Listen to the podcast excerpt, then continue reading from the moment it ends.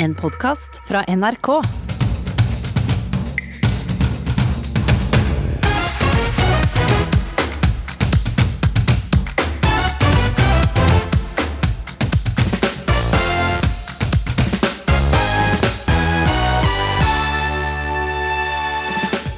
Vi blir stadig tyngre her til lands. Samtidig gjør Fremskrittspartiet usunne matvarer billigere, torner Gunhild Stordalen. Hun møter Bård Hoksrud til debatt her i Ukeslutt.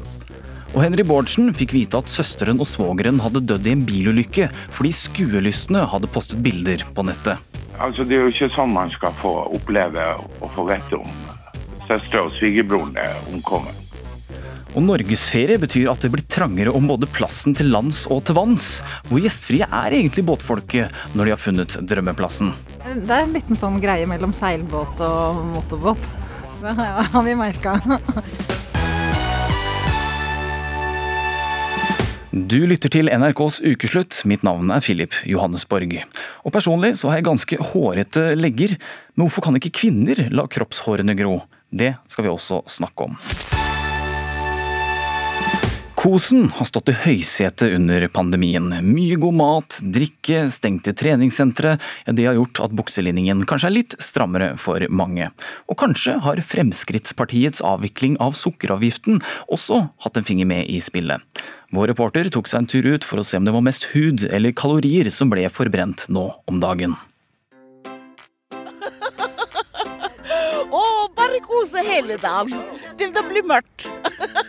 I Vigelandsparken i Oslo sitter folk og slapper av og koser seg i det varme sommerværet. Om sommeren alltid piknik.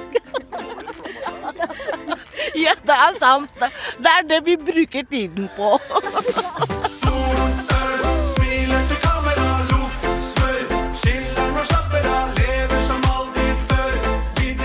Og folk de innrømmer at sommeren har sørga for litt andre kostholdsvaner. Litt mye brus og chips ute i parken.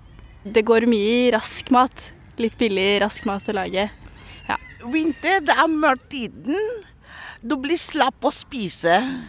Men sommeren, det er sol. Du får matlyst hele tiden. Og antall alkoholenheter har også økt i takt med temperaturen. Vi har vel, setter vel av mer tid da til å kose oss, da, tenker jeg. Ja, Og så er det med det kalde glass vinet litt oftere, og kanskje litt tidligere på ettermiddagen enn man ville gjort i en vanlig hverdag. Det er ikke bare kostholdet enkelte har vært litt slapp med. Også fysisk aktivitet har det blitt mindre av. Jeg har ikke trent siden sånn nyttår. Det var sånn Ja. Og er folk klar til å gå tilbake til vanlige kostholdsrutiner? Uh, ja, det tror jeg altså. Det, man ser jo liksom at klærne ikke passer så godt lenger, så det er det på tide.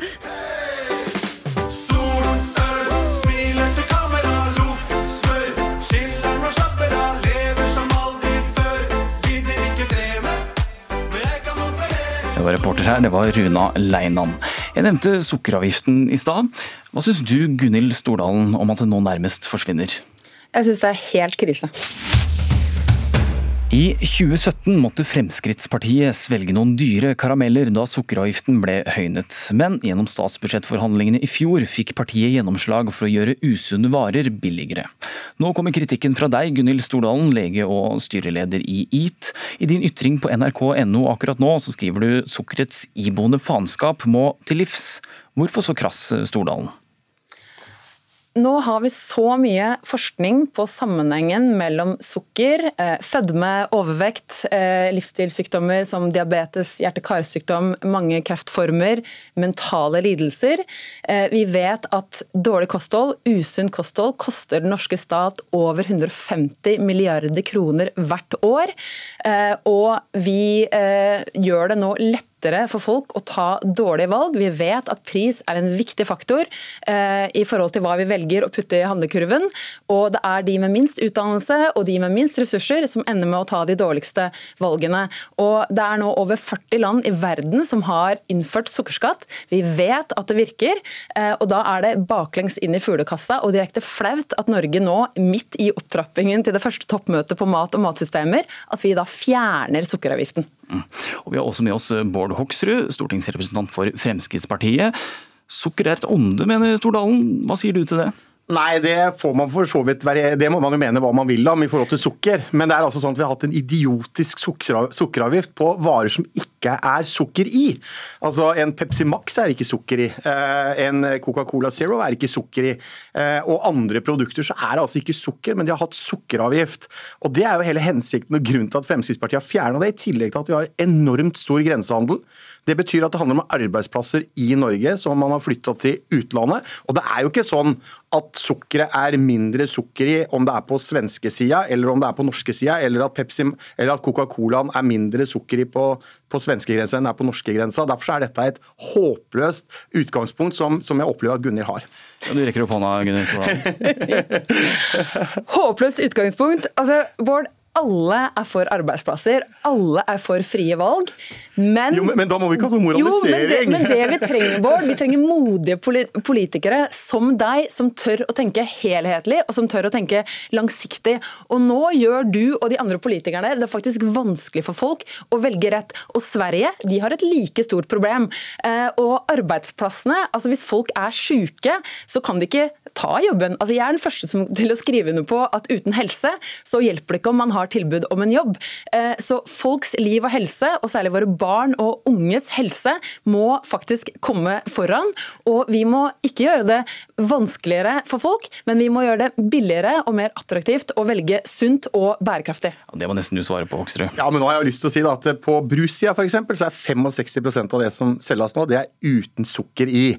Det viser altså at folk tar de vanene og, og har det som Gunhild Stordalen er ute etter. De aller fleste er opptatt av de gode valga, velger de gode produktene. Vi ser at dette med trening og sånn er det veldig mange som er opptatt av. jo, nå har dere jo fjernet avgiften også på ting som inneholder sukker, da. Ja, ja vi, har, vi har det, men, men allikevel så ser man også at forbrukerne velger de gode produktene. Og jeg mener at det er mye viktigere å motivere og stå med gulrota enn ikke det derre Nei, dette skal du ikke få lov til. Litt den derre tante Sofie. Jeg opplever at Gunhild Stordalen er litt tante Sofie. Og det er det som er så dumt. Apropos gulroten. Jeg var på butikken i dag. Jeg sto med et salathode i den ene hånda og kunne ta fire bolleposer med tre boller i hver for den samme prisen. Og da, Hva tror du folk velger da? Vi vet at pris er en viktig driver, og hvis folk skal eh, velge rett, så må vi hjelpe de. Og vi trenger helhetlig politikk fra hva regjeringen velger å subsidiere bøndene for å produsere, til offentlig innkjøp, til kostholdsrådene. Alt dette må henge sammen på tvers av departementer. Og Norge, med alle våre forutsetninger, og med modige politikere som deg, Bård, så må vi kunne gå i bresjen og lage en helhetlig politikk som gjør at det er ikke et eh, luksusvalg, eh, men faktisk noe alle kan ha råd til, å velge rett og sunn og bærekraftig mat. Men Gunnel Soldalen, vi hørte jo nettopp folk fortelle hvor usunt de lever. Bør det ikke være opp til hver enkelt å ta vare på seg selv? Men i dag så snakker vi om eh, fritt valg, men det er ikke frie valg når man ikke har råd til å velge sunne, gode, bærekraftige produkter med god dyrevelferd.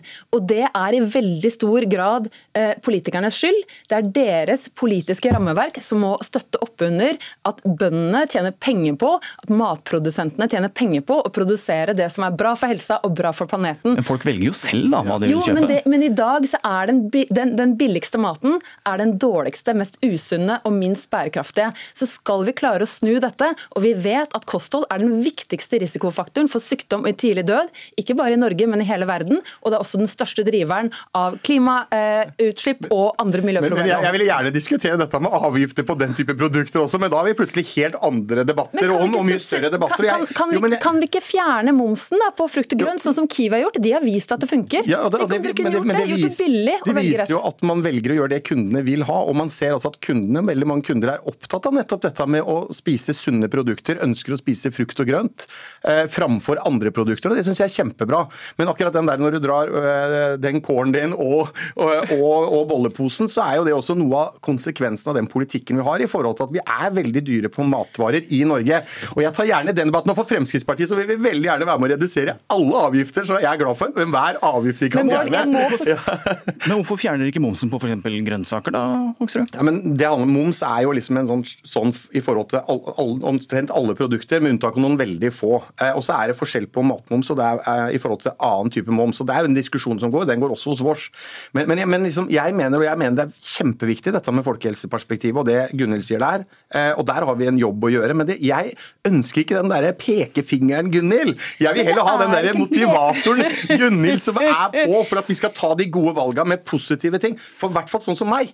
Hvis du står der med pekefingeren din og sier at dette er fælt, du skal ikke få lov å drikke den colaen, du skal, skal ikke gjøre det, du skal ikke drikke det eller spise det sukkeret, da gjør jeg heller det, for da blir jeg litt sånn Men tverrvis det. Og det er det mange andre som men blir det. Bård, vi, vi vil ikke ha pekefingre, men vi vil at det skal ikke være et klasseskille om at de som har god råd, de kan velge god, sunn, bærekraftig mat, og de som har mindre god råd, de må velge det billige junkmaten. Det, det er jeg det er veldig enig om, men det, men er men fullt mulig å velge begge deler. Det er derfor, er denne, dette produktet, som er null sukker i, altså men- Pepsi men Max Holder altså åpen Pepsi Max nå, Bård Hoksrud. Er det, og han har fått en firepakk cola av meg. eh, Men i dag så er det faktisk vanskeligere og dyrere å ta de gode valgene, og der må vi holde politikerne ansvarlig. Og igjen, vi trenger modige politikere som deg, Bård, til å endre systemet. For i dag så er normalen å bli overvektig og livsstilssyk og bli deprimert av den maten vi spiser. Men Stordalen, du har jo fått kritikk da for å komme med kostholdsråd som eh, bare du klarer å følge. Hva om folk tenker at dine råd kanskje blir litt pietistiske? Hele poenget, alt det EAT jobber for, er å endre systemet så det skal bli lett og billig å velge rett. Og I dag så er det dessverre ikke tilfellet. og Vi må begynne å snakke om hva er den faktiske kostnaden av den maten vi spiser. Den colaen, eh, Bård, og den eh, burgeren du spiser på en fastfood-restaurant, den koster ikke 80 kroner for en meny. Hvis du, hvis du fakturerer inn kostnader for helsebudsjettet, eh, for klima og miljø og antibiotikaresistens vi må må ikke få dårlig samvittighet, nei, Gunhild. Det er det du gjør nå, dette- Og Nei, da- da nei, det stikk motsatte. Bård, ja, men Bård, vi skal ikke dette, vi, vi, De eneste som skal ha dårlig samvittighet, er politikerne. Fordi folk i dag er ikke i stand til å ta de rette valgene. Og de som må stå opp og Der ta er jeg veldig uenig med deg. Jeg- jeg- jeg- gir stor men tillit til vi- folk til å kunne ta gode vi valg, Vi subsidierer det regjeringen, den samme regjeringen subsidierer eh, kjøtt og melk og sukker, som man vil at folk skal spise mindre av. Vi trenger å subsidiere mer frukt og grønt, mer fisk, mer eh, fullkornsprodukter. Ting som folk skal spise mer av, må bli billigere. Og det som er helseskadelig og miljøskadelig, må bli dyrere. Det er ikke vanskeligere enn det. Og med det så tror jeg nesten vi må avslutte denne debatten. Tusen takk for at dere kom, Gunhild Stordalen og Bård Hoksrud. Nå skal vi kaste loss. Jeg sa jeg har peiling på seiling. I pessimistjolle var jeg i propell. Jeg har peiling på tauverk og kveiling. Jeg har alltid knytt mine skolisser selv. Så jeg ringte til venner på Skarnes og inviterte på seiltur og kos. Jeg gikk i butikken og kjøpte dagens fangst, som var fire kilo reker gatelangs, og makkel og egg og ansjos, for jeg er en skogsmatros. Ja, Øystein Sunde beskriver en heftig prøvetur som ender fatalt i låten 'Peiling på seiling'. For én ting er å sette seg inn i hvordan selve båten funker. I tillegg kommer alle reglene for hvordan båtfolket skal fungere sammen. Reporter Astrid Midthun spurte båtfolket på Aker Brygge. Vi trenger hjelp når vi skal både ut og inn med den båten her. Så man, vi kom seint på kvelden, og da er det fullt, og da trenger man hjelp. Da blir du kjent med naboen òg, med en gang. Forholde seg til de reglene som er satt i havna, det er jo det viktigste med ro når det skal være ro, og ellers bare være hyggelig. Ja, vi setter på musikk, men vi prøver å holde det på eh, sanger de aller fleste liker, da. Hva er det de aller fleste liker? Smak av honning. Hvor gjestfrie er dere? Vil dere at det, synes dere det er greit når folk legger seg ut på dere, eller vil dere helst være alene? Det er ikke noe problem så lenge de ikke tråkker båten full av sand. Vi prøver å være litt for oss sjøl, da. Så du syns egentlig det er best å være alene? Ja, egentlig. På båt, ja. Men så det, er, det er en liten sånn greie mellom seilbåt og motorbåt. Det har har vi merka. Det, er ikke- det er ikke så veldig stas at vi legger oss ut på motorbåter. Ja, Nils Wærstad, du er kjent som reiselysten programleder her i NRK. Og du har meldt overgang fra mindre motorbåt på Tyrifjorden til svær seilbåt på sjøen. Hvordan syns du det går? Ehm, etter forholdene forbausende bra. Ehm, jeg driver jo nå og forsøker å finne en seilmaker som kan lage en veldig veldig stor L i seilet mitt. For ehm, jeg kjøpte jo seilbåt for en måned siden, og det var helt på impuls. Og den er 45 fot og 15 tonn. Og jeg gikk jo da, som du sier, fra 19 fot skjærgårdsskip, så det er en bratt læringskurve. Ja, så den L-en kan komme godt med, skjønner jeg. Ja. Ja, og så tenker jeg også at Hvis du kommer med en svær L i seilet, så redder du litt plass i havna, fordi folk da skjønner at her er det fare på ferde, så kanskje de velger å, å gi ekstra god plass. da. For Du sier jo at du er blitt veldig gjestfri som følge av at du er ny i seilbåt. Hvordan gir det utslag? Nei, altså, jeg har jo ikke sant, Alt skal jo lære på denne måneden. ikke sant, Og så er det jo dette med å ligge utapå hverandre og, og sånne ting. Og jeg har jo skjønt at det er noen som ikke vil at man skal ligge utapå andre, men jeg tenker jo det at hvis noen kommer og legger seg utapå meg, seilbåt selvfølgelig, eh, så tenker jeg det er jo kjempefint, for da kan jeg jo huke fatt i dem på veien til og fra deres båt, og rett og slett da lenserom dem for råd og vink om hvordan dette her skal gjøres. Ja, for Du har jo selv blitt avvist, så vidt jeg har skjønt. Fortell om det. Ja, nei, vi var på, vi var på Herføl, eh, marina på, på Hvaler. Og det er sånn der at når du kommer inn i marinaen og ser at det ikke er én eneste seilbåt der, så er det et slags sånn hint om at det kanskje ikke er helt egna. Men um, den godeste Espen Thoresen han hadde jo sagt at dette skulle han ordne, for han lå der. Så han hadde prata med havnesjefen, og inn kom vi med 20 cm vann under kjølen. Og så viste det seg at det var ikke helt plass ennå, men det lå en svær, diger container av en, eh, av en eh, liten lystyacht longside pitcha der, og så sier han havnesjefen at eh, bare legg deg inntil der, og så venter vi til det blir plass. Og jeg gjør som jeg får beskjed om, og får hjelp til å legge meg til eh, og ut med fendere og sånne ting. Og så går det ti minutter, og så kommer en fyr i en svær ribb og sier du, det der er min båt, altså.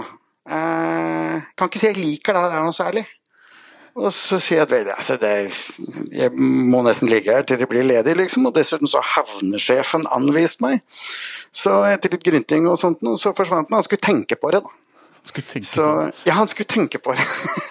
så etter hvert så fikk vi noe stabla om på noen båter der, og et mirakel så fikk vi glemt oss inn uten å ødelegge verken vår egen eller andres båter. Så det, det gikk noe bra på et eller annet vis, men eh, det var, det var skuling et døgn etterpå.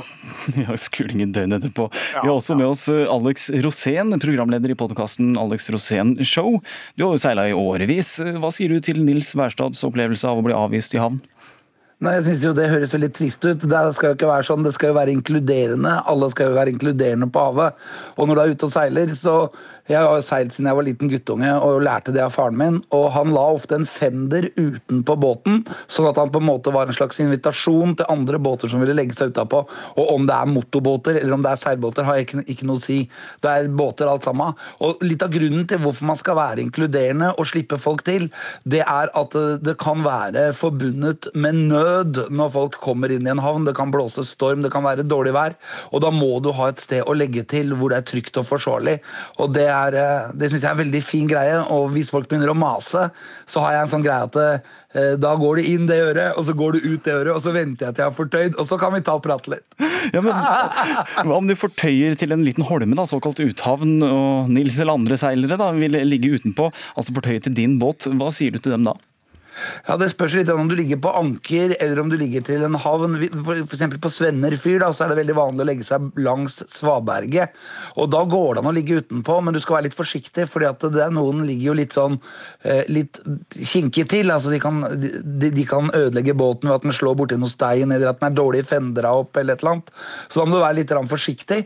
Men det skal kunne gå an å legge seg utapå der. Men hvis du ligger på anker, så er det litt annerledes. for da, da bør du kjenne det, eller i hvert fall være høflig da, og spørre om det er mulig å legge seg utapå. Fordi anker er jo som oftest skapt bare for én båt, og når det kommer én båt til der, så blir det mye mer som trekker i den båten. Men har han godt anke, ankerfeste, så skal det bare grave seg videre ned, og så skal det være, trygt. Men da er det greit å være høflig når du er uh, i en uthavn, fordi at det, det rett og slett kan være forbundet med trygghet. da, altså komme der og, og buse på.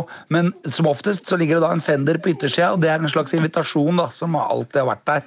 Og uh, Seilerfolk og motorbåtfolk og båtfolk er jo så hyggelige fra før av, og alle er jo hypp på å hjelpe noen når de kommer inn i en havn. Og det er jo fordi at uh, folk kan ha et problem, ikke sant? Og, da, og det å be om nødhavn, det har du alltid rett til. Ja, Nils Wærstad, fikk du litt tips her, eller?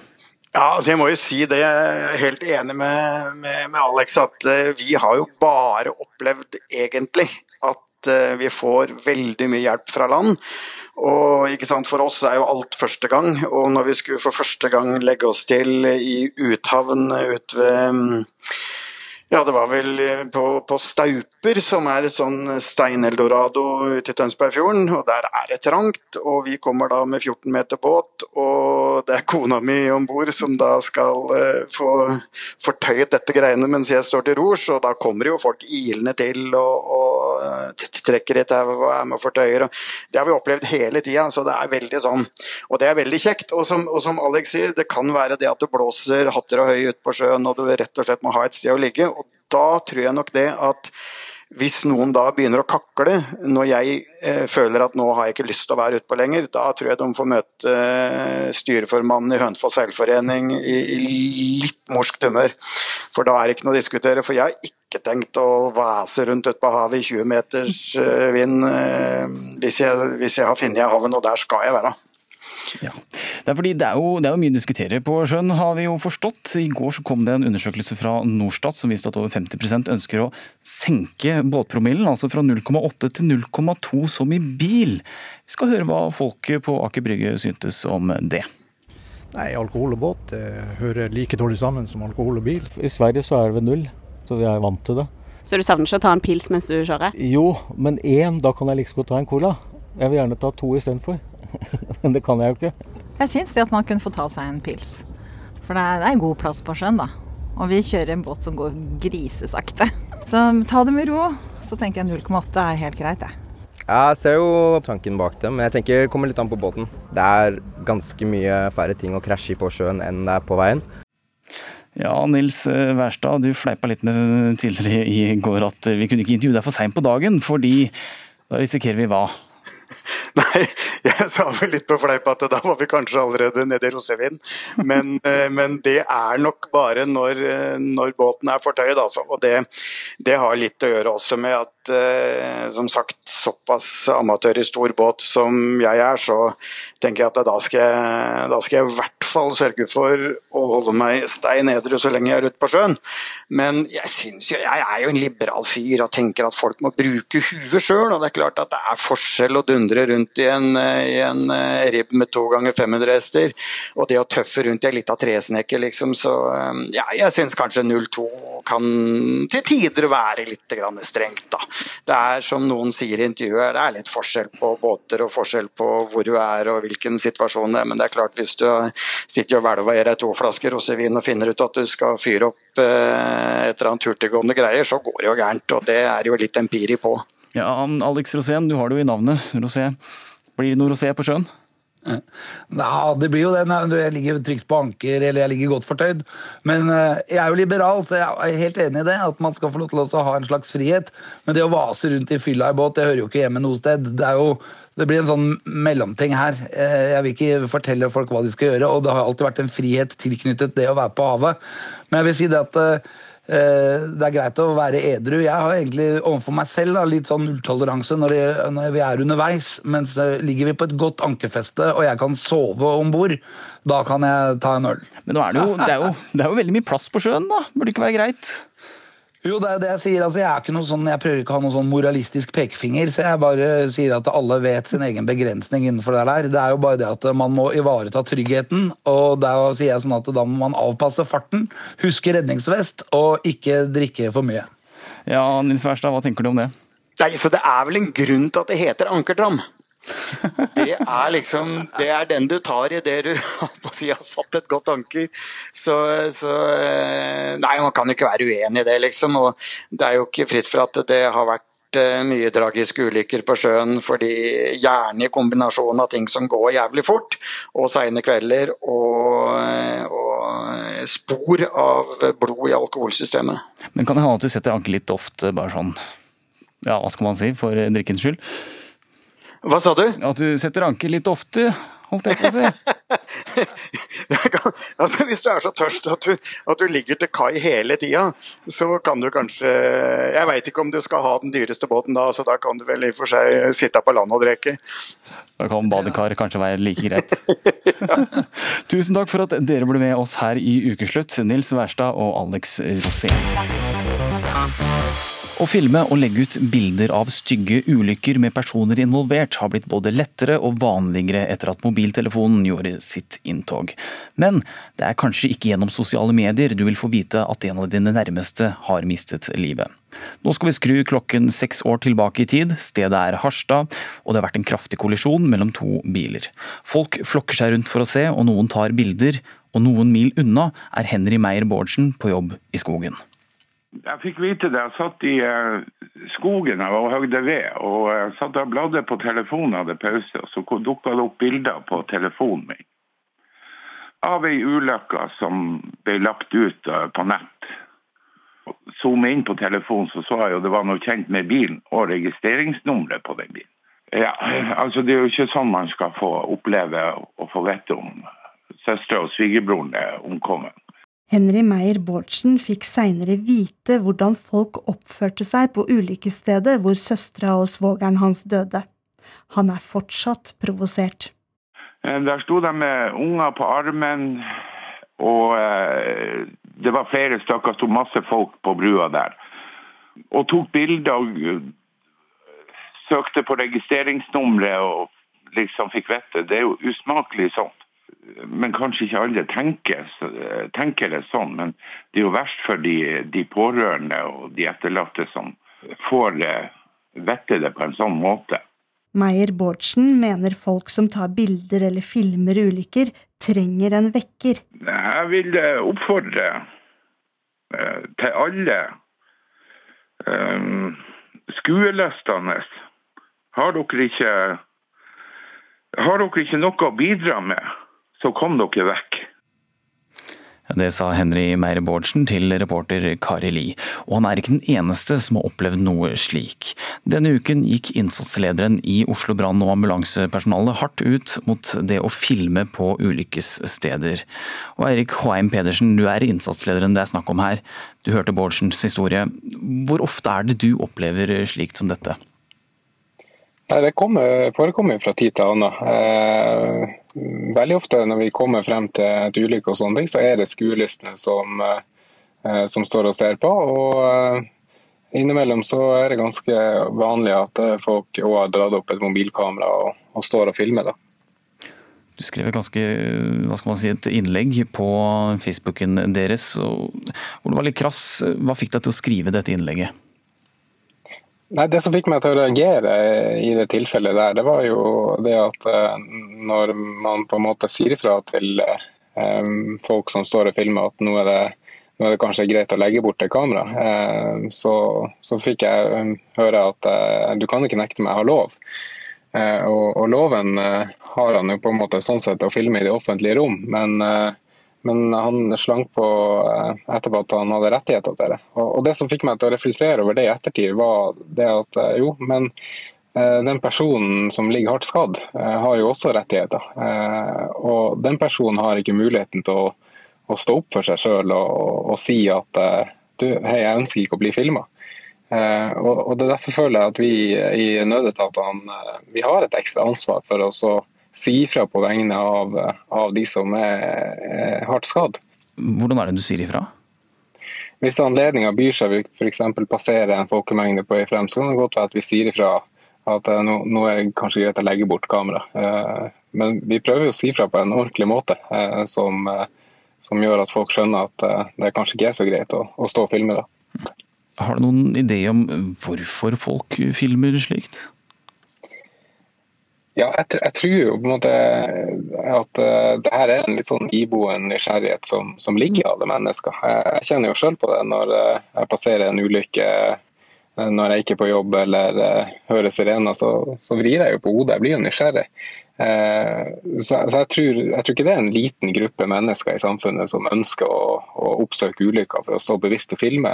Jeg tror heller det er mer en sånn den generelle nysgjerrigheten som ligger i, i menneskets natur. Eh, og, og, Det som jeg tenker er lurt å gjøre, da, det er at man eh, i forkant eh, faktisk har tenkt ut en strategi. Ønsker jeg å, å stå og filme eller ikke? Og, og da må jo på en måte den enkelte lage seg en liten plan. Hva gjør du når du kommer til en ulykke som du kanskje er fremme for nødetatene på? Og, og hvis du har på en måte tenkt ut en plan på det på forhånd, så, så blir du kanskje Da har du kanskje også tatt et standpunkt at du ikke skal stå og filme, og så unngår du å gjøre det.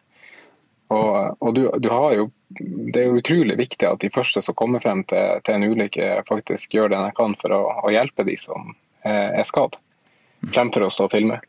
Men eh, kan ikke slik filming også være til hjelp for å oppklare det som har skjedd i en situasjon, f.eks.? Jo, absolutt. Eh, Og, og det kan være tilfeller hvor, hvor eh, video og sånne ting kan bli brukt i, som bevismateriale i etterkant for å oppklare årsaksforhold. Eh, Vi har jo eh, selv i brann- og redningsstaten nyttiggjort oss av, av videoer og bilder vi har fått tilsendt fra folk som har fotografert en brann f.eks., som har, har vært nyttig for oss i, i en evaluering. For å forstå hvordan brannforløpet var og hvorfor det utvikla seg sånn det gjorde. Så, så det er ikke helt svart-hvitt, det er det absolutt ikke. Vi har jo hatt en diskusjon den siste tiden om de grusomme bildene fra 22.07, om de skal vises eller ikke. Har du noen tanker om hvordan eh, presse og media hvordan de fremstiller ulykker? Ja, jeg opplever jo at, eh, at eh, presse og media jobber etter Vær varsom-plakaten. Og, og jeg opplever at de har høye etiske standarder i forhold til det de velger å publisere og ikke. Eh, og Når det gjelder 22.07, så, så er det jo åpenbart at det var jo en hendelse som berørte hele landet. Eh, og det er veldig mange eh, som ble veldig sterkt berørt av den hendelsen. Så der må man jo selvfølgelig balansere hensynet til de pårørende opp imot det som er av allmennyttig interesse. For det ble det siste, Erik H.M. Pedersen, innsatsleder i Oslo brann- og redningsetat. Vi skal straks til sommer-OL, som er godt i gang allerede. Men først så skal vi spole tilbake til forrige gang Japan arrangerte OL. Det var i 1998, og da var kombinertløperen Bjarte Engen Vik en av Norges store helter. Bjarte Engelvik, takk skal du ha! At du går inn og blir olympisk mester. Eh, Det ble jo høydepunkt i min karriere. Individuelt OL-gull og også OL-gull i lagkonkurransen. Er det en som vet hva som trengs for å vinne OL-gull i Japan, så er det Bjarte Engen Vik. Kombinertløperen ble to ganger olympisk mester sist gang Japan arrangerte OL. Det var i 1998. Jeg dro jo ned dit som stor favoritt, så det var jo en veldig spent mann som reiste til OL da. og Det var utrolig godt å, godt å lykkes. Han gir sine beste tips for at også årets norske utøvere skal lykkes i OL. Spise godt, sove godt, klare å glede seg og, og nyte hverdagen når man ikke konkurrerer. Da. At man klarer å koble av med noen ting, da være sosial med andre deltakere. og ja, finne en, en balanse, da. Man kan ikke gå rundt og bare tenke på konkurransen hele tiden. Ellers så bruker man opp energien. Som vi kjenner Japan, så har han tro på at arrangementet blir en suksess, til tross for utfordringer med koronapandemien. Og de er jo ekstremt opptatt av eh, at det er rent og ryddig og, og renslig. Og så er det et land som klarer å håndtere pandemien og OL, så, så, er, det, så er det Japan. Han håper at årets delegasjon får et fint mesterskap. Jeg vil jo ønske alle norske OL-deltakere ordentlig lykke til. Jeg håper de får ei en fin tid i Japan, og så håper jeg jo selvfølgelig at de eh, klarer å lykkes i konkurransene. og Nyte OL og nyte Japan, og gjerne komme hjem med suksess. Ja, reporter her var Runa Leinan. 23 år er gått, og vi er ett år på overtid, men endelig er de olympiske lekene i gang i Japan. Folkefesten japanerne hadde håpet på blir det ikke noe av. I stedet går mesterskapet for tomme tribuner og svært strenge koronatiltak. Andreas Stabrun Smith, sportskommentator her i NRK, du er i Tokyo. Det var nære på, men det har ikke blitt noen medaljer til Norge ennå? Nei, det har ikke det. Det var jo veldig nære på med Jeanette Hegg Dustad i ti meter eh, luftrifle da hun øh, gjorde i kvalifiseringen. Det skytterkjennere mener er kanskje den beste prestasjonen en norsk skytter noensinne har gjort. Hun satte olympisk rekord i kvalifiseringen, men det er jo sånn at man tar ikke med seg resultatet inn i finalen.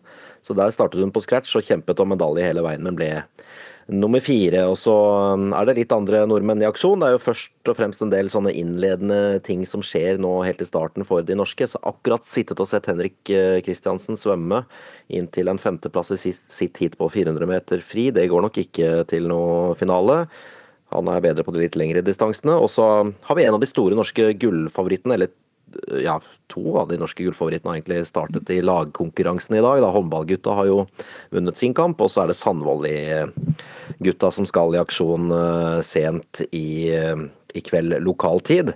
Så det er eh, godt å få i gang et av de største norske gullhoppene med Mol og Sørum i sandvolleyball. Mm, På et av de største arrangementene i verden akkurat nå. Men til tross for strenge smitteverntiltak, så rapporteres det om utøvere som tester positivt for koronavirus. Hvor bekymret er de norske utøverne for dette? Nei, Det virker ikke som de er så veldig bekymret for det. Det virker egentlig som de er eh, mest eh, ja, delvis litt irritert over noen av de tiltakene som de blir utsatt for. og det, eh, det er jo ganske strengt. Jeg sitter på hotellrommet mitt nå har karantene her en uke til. Jeg får lov til å jobbe i akkreditert sone, ellers så må jeg holde meg på, på det rommet jeg er på. Og utøverne har jo også strenge regler. altså ja, ikke for å snakke noe om noen ulike nasjoner, men eh, korona har jo, pandemien har jo hatt en historie med en del mutanter og sånn, og Norge deler altså blokk med Sør-Afrika og India.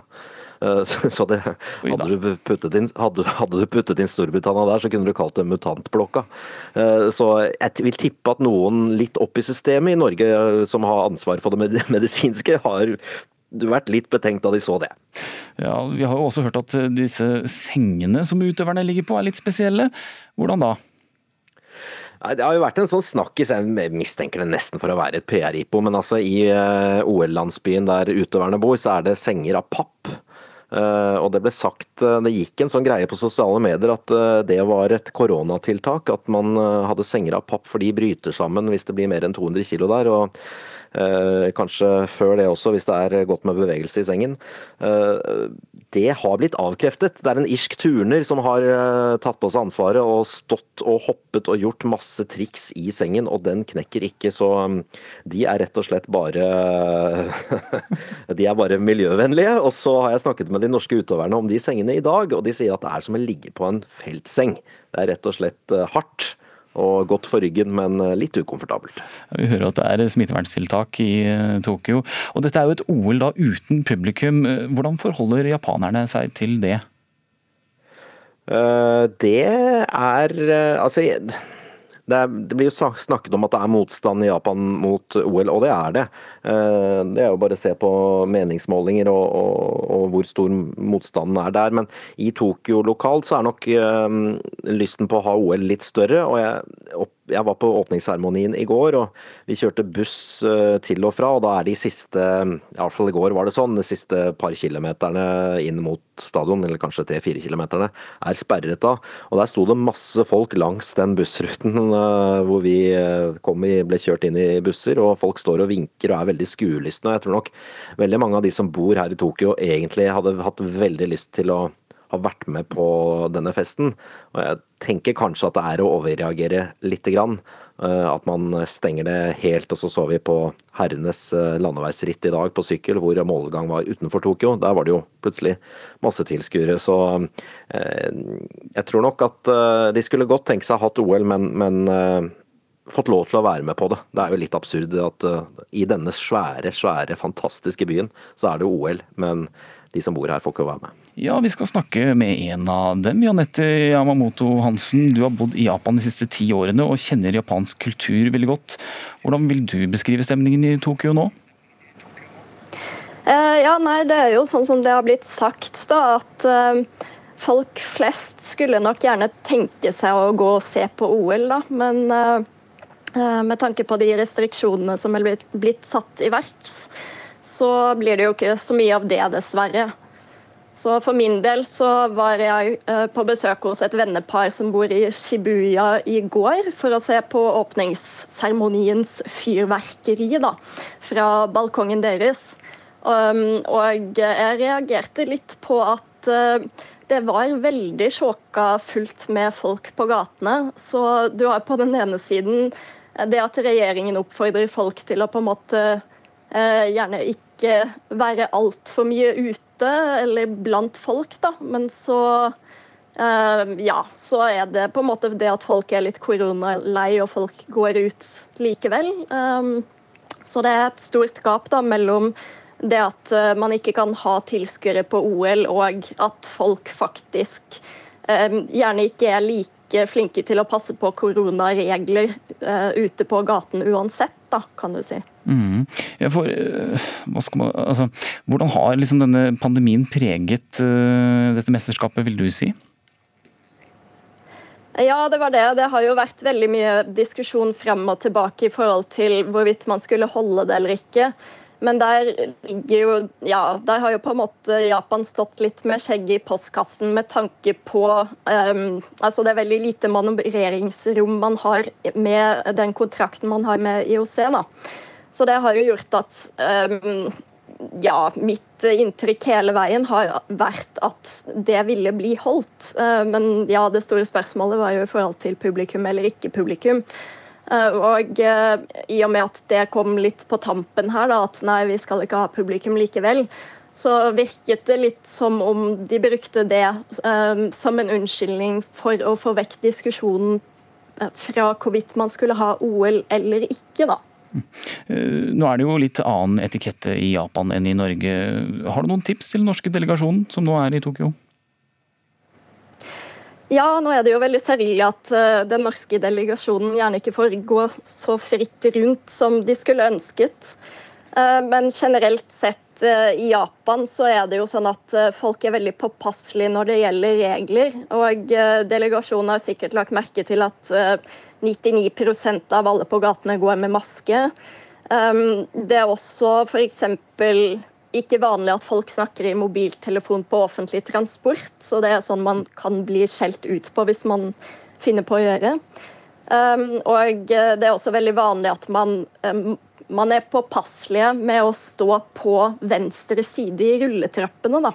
Så det er en ting som er veldig sånn typisk japansk, da, at uh, folk følger de uh, ja, gjerne uskrevne uh, reglene som eksisterer i samfunnet. Uh, og det er litt interessant, fordi at uh, For et par år siden så forsøkte regjeringen å, få folk til å stå på begge sidene i rulletrappene. For de hevdet det at det ville uh, skape mindre køer. og de holdt på med kampanjer i forhold til å endre folks vaner i forhold til dette. da. Men det med å stå på venstre siden i rulletrappen, det var såpass innprentet i befolkningen at det har de ikke greid å endre på, faktisk. Ja, Andreas... Så det er sånne ting.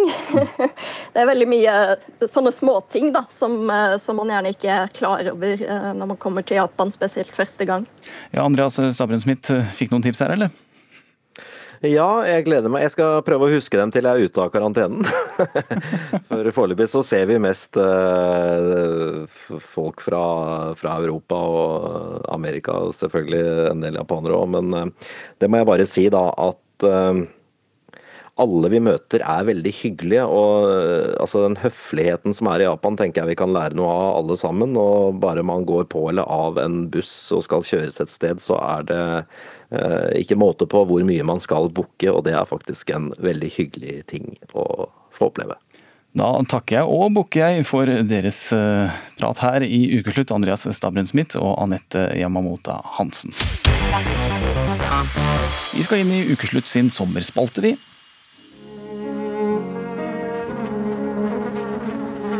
Og vi har ikke akkurat noe å klage over. Ikke for mye solstek og sommervarme i alle fall. Jeg syns på badestranden kan av seg litt av hvert. Søstrene? Ja. Det er en glassmanet, er det ikke det? Jo, det er en glassmanet som blir Men det varmeste jeg egentlig kan si om is, det er at den er kald.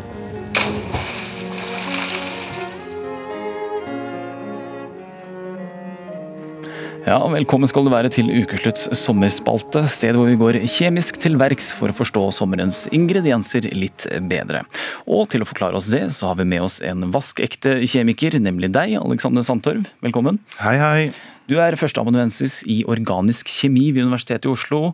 og hva tenker du på når du hører den lyden her?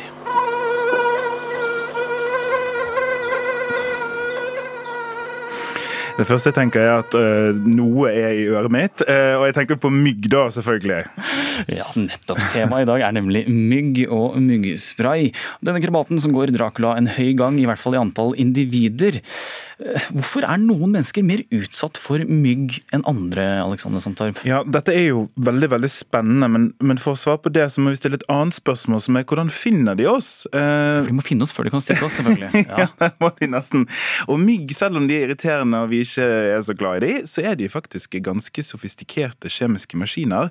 Um, og det viser seg at det de liker ved oss, det er flere ting. Det er CO2, altså karbondioksid fra pusten vår. -hmm. Det er kroppsvarme. Uh, og det er stoffer som vi lager helt naturlig på huden vår og i svetten vår. Så bare ved å eksistere, så er vi altså håpløst uh, tiltrekkende til disse myggene.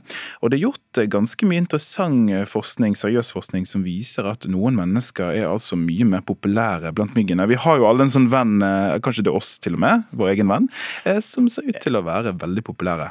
Ja, for Jeg kan godt trekke opp hånda og si at jeg er en av dem, eh, de vennene. Men eh, er det da, skiller vi ut noen andre ting, vi som sliter med dette? Ja, det er noen, eh, noen ting som, som, vi gjør, eller de som er populære gjør. Og det er f.eks. en studie som har vist at de menneskene som har blodtype O, er to ganger mer populære enn de som har blodtype A. Så har du blodtype O, så er du genetisk disponert. Noen andre ting som kommer inn, det er bakterier som bor på føttene våre, og som står for den deilige lukten lukten av gymsokk. Eh, det er myggen spesielt glad i. Vi vet ikke hvorfor, altså, men det er derfor du ofte blir stukket sånn på leggen og mellom tærne som hvis du er barfot. Og så er det en annen ting du kan gjøre hvis du har lyst til å være populær blant myggen, og det er å være gravid. Eh, for da puster du litt mer, du lager mer karbondioksid, og du er gjennomsnittlig litt varmere enn de som ikke er gravid. Men si at du er en sånn person som ikke liker å bli stukket av mygg, da, for dem er det jo flere av, vet jeg. Hva er de beste tips, da? Nei, altså Det er dessverre sånn at mitt beste tips er at du må bo i en plastpose. Og det er ikke så veldig bærekraftig, fordi det er nettopp det at bare ved å leve, så gjør du det selvtiltrekkende. Det er noen få ting du kan tenke litt på, sånn som svarte og mørke klær av en eller annen rar grunn er mer populær blant myggen. Mm, og så er det Ja, det er rart. Og er det sånn at du drikker en øl eller litt alkohol, så blir du òg mer tiltrukket tiltrukkende for myggen enn det er pga. at du da puster ut eh, alkohol. Hmm, det, det, var ny for meg. Men hva med myggsprayen, da? Hjelper den? Ja, den, eh, den, ser ut til å hjelpe, men eh, det er veldig viktig å være bevisst på hva slags type myggspray du kjøper og bruker. Eh, og det du skal se etter, er et stoff som heter DEET, eller DEET, som vi ofte kaller det. Og det er et stoff som er vist i, i mange studier å være veldig effektivt. Men så er det klart, det finnes jo en milliard andre ting, og der må man nok være litt mer forsiktig, tror jeg. Hvorfor det? Nei, det er jo eh, et lite Google-søk før jeg kom inn i studio i dag, viste jo at det er en milliard treff på ulike ting som skal eh, være skremmende for myggen. Blant annet banan. Eh, den tror jeg ikke på. Hvitløk, vitamin B osv. osv. Er det noe man har hjemme som man kan bruke? Du har kommet frem til? Nei, den plastposen, da. det har man jo litt av, i hvert fall nå. Uh, altså, hvis du skiller ut lukt, og det er liksom problemet La oss si at man er en av disse personene som blir stukket mye, som sagt. Eh, og man har blitt stukket veldig mye. Hva kan man gjøre da for å bote på disse stikkene? Ja, Det er et godt spørsmål. og Jeg, jeg syns det er litt sånn fascinerende. For hva er det som skjer når du blir stukket? Altså, Vi, vi kjenner jo igjen disse vonde, vonde, vonde scratchy-scratchy røde merkene og sånn. Men eh, grunnen til at de skjer, det er fordi at i spyttet til myggen så er det proteiner som, som trigger immunforsvaret vårt, faktisk. Så hvis du blir stukket og får et merke, så har du blitt stukket av den myggen før. Så det er jo litt sånn fint å vite. Eh, men det er ikke så veldig mye du kan gjøre. Det er reseptfrie kremmer som kan være litt lindrende. Eh, is og kjølighet kan funke. Og så er det jo egentlig bare å prøve å la det være. Prøve å la det være, Men det er jo litt vanskelig, da, for det klør jo Ja, jeg kan sitte her som ekspert og si det, men jeg er skyldig av å klø litt av og til. um, er det Altså er det beste tipset kanskje å legge seg rett ned og late som man er død, tenker jeg nå. ja, jeg tror myggen er litt mer sofistikert og lar seg ikke lure. Men eh, det er altså eh, Hvis du trener, eksempel, så, så puster jo du mer, og du svetter. Så det med fysisk aktivitet gjør at myggen tiltrekkes mer. Eh, så det vet vi alle når vi har gått i fjellet, sånn at myggen ser ut til å finne oss. og det er nettopp det da. Så ta det med ro, slapp av, finn sommersjelen. Prøv å ta det så rolig som mulig. Så er det på en måte det beste du kan gjøre. Da håper vi disse tipsene har kommet trygt frem der hjemme. Du er tilbake neste uke, du kjemiker Alexander Sandtorv, men takk for nå. Takk. Nå skal vi ut på tur, eller la meg si det på en annen måte. Ja, rett opp stålryggen og fest setebeltene. Two, one.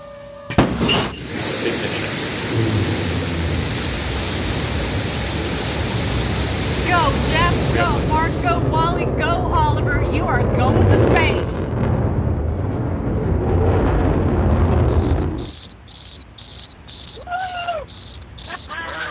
And now they're coming floating back down at just about 15 or 16 miles an hour. And touchdown.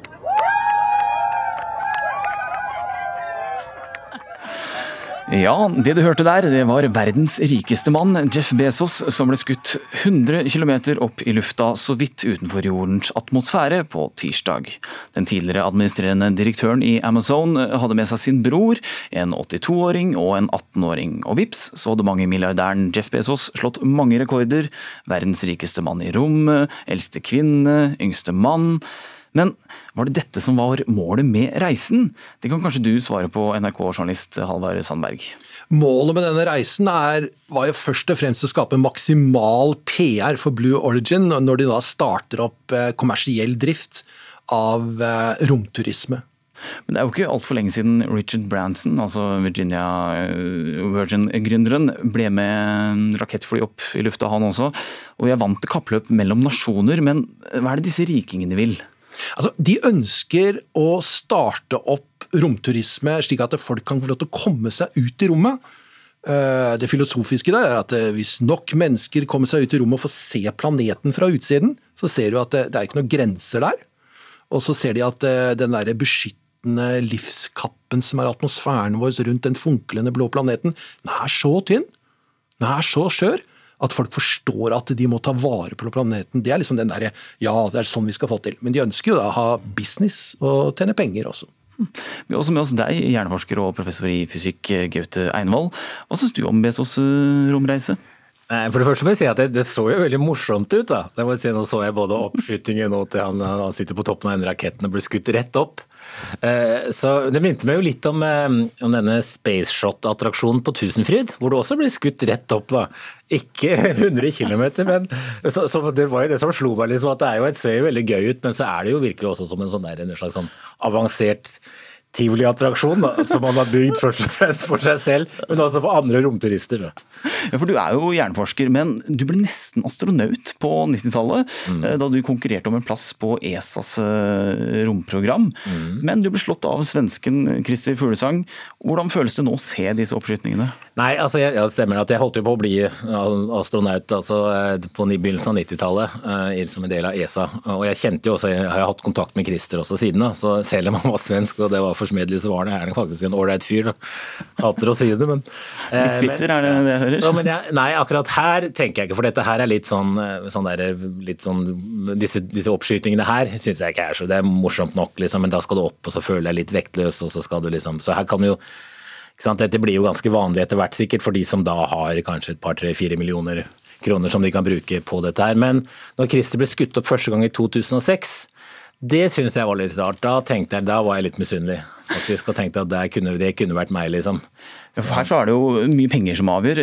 Da du ble testet for ESA, så var det vel kanskje mange andre ting du måtte gjennom? Ja, vi ble testa på helt andre ting. For det første, da skulle man jo inn i dette ESAs romprogram, og vi skulle være på, sant, på denne romstasjonen i månedsvis. Og da først og fremst gjøre forskning, da. Så det var jo grunnen til at jeg var liksom ble selektert, på en måte, var at jeg først dreiv med naturvitenskapelig forskning. og så og så hadde jeg drevet litt med sånn fjellklatring og litt sånne ting. Og så hadde, og så var jeg, men først og fremst så, jeg, så ble jeg testa mye fysisk og psykisk, og så var jeg, var jeg frisk, da. For jeg tror, det, det, jeg tror det, det, man har sett etter hvert, er jo at det å være astronaut det krever ikke så mye fysisk som man trodde. Som, som i disse helt i begynnelsen av Polle-programmet hvor du ikke skulle ha tatt blindtarmen engang. Ja, men du mener altså nå at det er på tide at Norge kommer seg ut også i rommet? Ja, akkurat om vi får en rik nordmann med på disse turene til Bezos eller Branson, det syns jeg ikke er så veldig viktig. da. Eh, det, men at nå har det jo nettopp vært en, en søknadsfrist til å bli eh, altså fått ESA, europeiske romorganisasjonen. Eh, og nå har svenskene hatt, hadde jo opp Christer, og det var en danske som var oppe for noen år siden. Så hadde det vært veldig fint, syns jeg, om en fikk med en, en, norsk astronaut nå, da, i det nye, altså, eh, som en del av dette europeiske eh, astronautkorpset. Det hadde vært fint, av, av flere grunner. Ville du meldt deg nå, da? Ja, hvis de tar Nå var det faktisk sånn at du kunne opp til 50 var ok. Så, men jeg er over 50, da. Så, så, men jeg skulle Ja. Jo, altså jeg, jo, jeg skulle gjerne dra til rommet ennå. Jeg syns den, den samme det samme som liksom fikk meg interessert i å søke den gangen for 30 år siden, er jo for det henger fortsatt i, da. Hva med deg, Sandberg? Altså, når jeg så den der kapselen til eh, Blue Origin, eh, hvor god plass de hadde, og de store vinduene, så tenkte jeg det der, ja. det går. Ja. Men hvis du har sett Soyuz-kapselen, ja. Og så sitte inne der i tre døgn, det, da skal du være spesielt innstilt med å like deg inne i kanin, kaninhull, altså. For å fikse den der greia der. Så det er som det at det er ganske tøffe tak, det å komme seg opp i rommet. Du skal være, Kroppen din skal takle harde akselerasjoner og det bare det med vektløshet. Hvis du er eh, litt sånn, hvis du blir bilsjuk, ja. så kan jeg love deg at du ligger langflat eller flyter i hvert fall i lufta rundt svære kuler med spy i mange døgn. Jeg tror faktisk ikke de der fysiske det der fysiske sånn, i forhold til sånn jagerpiloter og sånne ting, de har større G-krefter. og så Eh, og, det er riktig, vi blir testa faktisk det med kvalme. da, Vi satt i noen sånne eh, kvalmestoler. Så da var det diverse sånne kjøre sentrifuge, sånn som kanskje vi som har sett James Bond. Ikke sant? Eh, sånne ting da. Og dette er sånn som sant, piloter, jagerpiloter driver og øver på dette her. da. Men da var det en hvor du skulle da, du satt i en sånn roterende kontorstol, og så med, så, med, så ringte det noen bjeller, og da skulle du bøye fram hodet. Og da får du noen sånne ek veldig ekle krefter. da. Så Det er liksom noen kombinasjonen av rotasjon og, og, og bøye frem hodet. Så da, og da ble det fortere og fortere og forskjellige veier og, og sånn. da. Men da, da, sa de at det var ikke noe sånn klar kobling mellom de som gjorde det bra i de testene, og de som ikke blir syke i rommet. da. Ja, Einvoll, eh, Hva er det vi, som gjør at vi vil uh, ut, egentlig? Ja, altså dette at menneskene vil ut i det hele tatt, det er nok litt altså dette med å være sånn altså Vi som bor i Norge, da, hvorfor i all verden fulgte vi isen når vi dro nord? ikke sant? Det er noe spennende, komme nye blåner. Så det er jo sånn, dette, dette må Vi liker å gå på topper, f.eks. Det er nok litt det samme. da. Og det er spenninga å ta space shot i Tusenfryd eller alle disse tingene. Det er jo utfordringer. Så det, det tror jeg er en sånn ting som, bor, som er i hos mennesket, og en av grunnene til at vi har liksom da dominerer kloden på godt og vondt. Og så er det å gjøre noe som naboen ikke gjør. Når tror du den første ovale Viken kan tilbringes i rommet? For folk med masse penger så skjer det løpet av året, altså.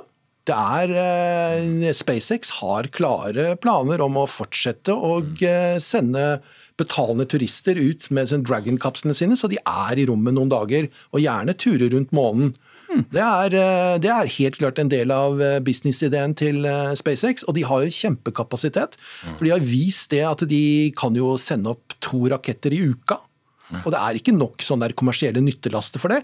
Da må du finne andre nyttelaster, og det rike mennesker er det mange av. Så da putter dem inn i kapslene istedenfor. Risikerer man da karantenehotell når man kommer hjem igjen? Skal jo ikke være noe særlig korona der ute, da. Skal ikke det? ikke som vi vet ennå, i hvert fall. Ja.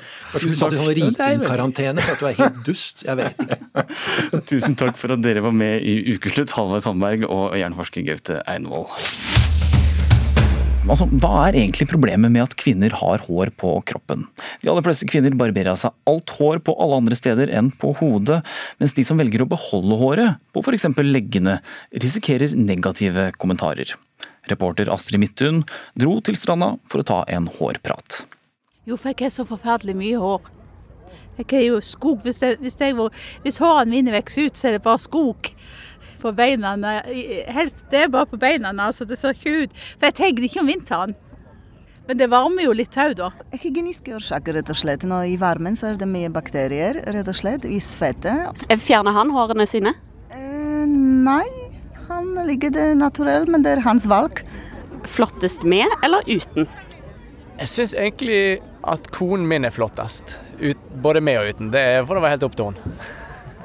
Det sjenerer i hvert fall ikke meg at eh, andre har kroppshår, men jeg sjøl liker å være eh, barbert. da. Jeg tror det må være noe sånn eh, de skjelettfolkene eller noe som har markedsført det så godt at det blir veldig populært å, å barbere seg av det. da. Hva syns du om eh, damer som eh, lar være å fjerne kroppshåret sitt? Ja, jeg er vel ikke helt fan av det, men ja, det, jeg føler vel egentlig at det handler mer om at de skal stå for et eh, ja, litt sånn merkelig kultur bare for å skjelle seg ut. Hva hadde du sagt hvis du hadde fått en kjæreste som ville at du skulle barbere leggene? Så hun ikke måtte flytte ut. Ja, Lisa Smith Valås, velkommen til Ukeslutt.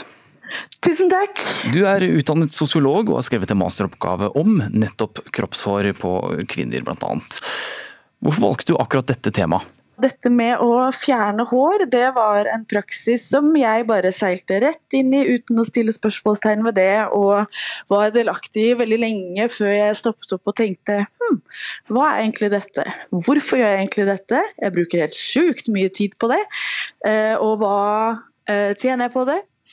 Og at dette her er noe som er så vanlig blant ekstremt mange kvinner. Og vi snakker så lite om det, og vi bare tar det for gitt. Og det syns jeg var spennende. Vi hørte jo her i denne lille reportasjen at denne tradisjonen med å fjerne hår, det, det står ganske sterkt fortsatt. Fant du ut hvorfor kvinner fjerner kroppshår? Ja, det er En sånn hovedoverskrift er jo at den hårløse kroppen er veldig sterkt knyttet til femininitet. Så det handler om en kvinnes identitet, ikke sant. Og at det er en måte å gjøre kjønnet sitt riktig på. Og liksom bære kroppen sin som kvinne på en riktig måte. Og dette her er også knyttet til at det er en måte å skille kvinner fra menn. Sånn at kvinner skal være hårløse, mens menn de kan gjerne være hårete. Så det tar også og strukturerer på en måte den sosiale, skjønnede verden vi lever i.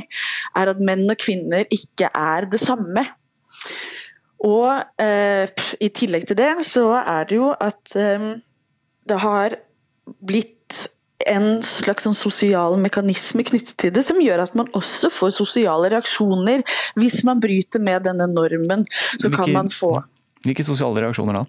Nei, Man kan få alt fra eh, liksom, vennlige, tøysete kommentarer fra en potensiell partner eller fra en venn, men man kan også få eh, stygge kommentarer, stygge blikk. Man kan få spy-emojier på sosiale medier.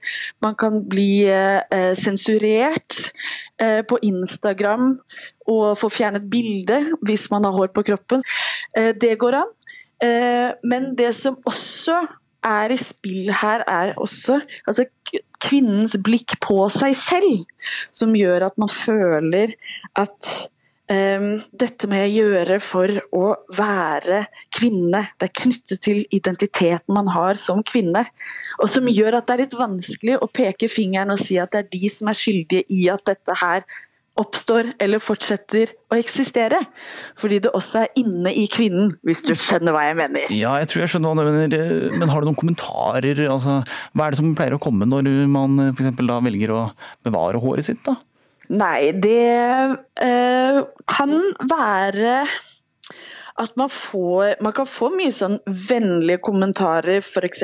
fra kjærester. At nå begynner du å bli litt stubbete på leggen, eller du, nå har du liksom bommet når du ikke har fjernet alt hår under armene. Så kan det være fra det, men også til også sånne strenge sosiale eh, sanksjoner som ikke er så veldig hyggelige heller, da. Som hva da? Nei, jeg f.eks. En eh, liten historie fra mitt liv. Jeg hadde hår under armene, var nede på Sørenga i Oslo, lå der og solte meg sammen med noen venner.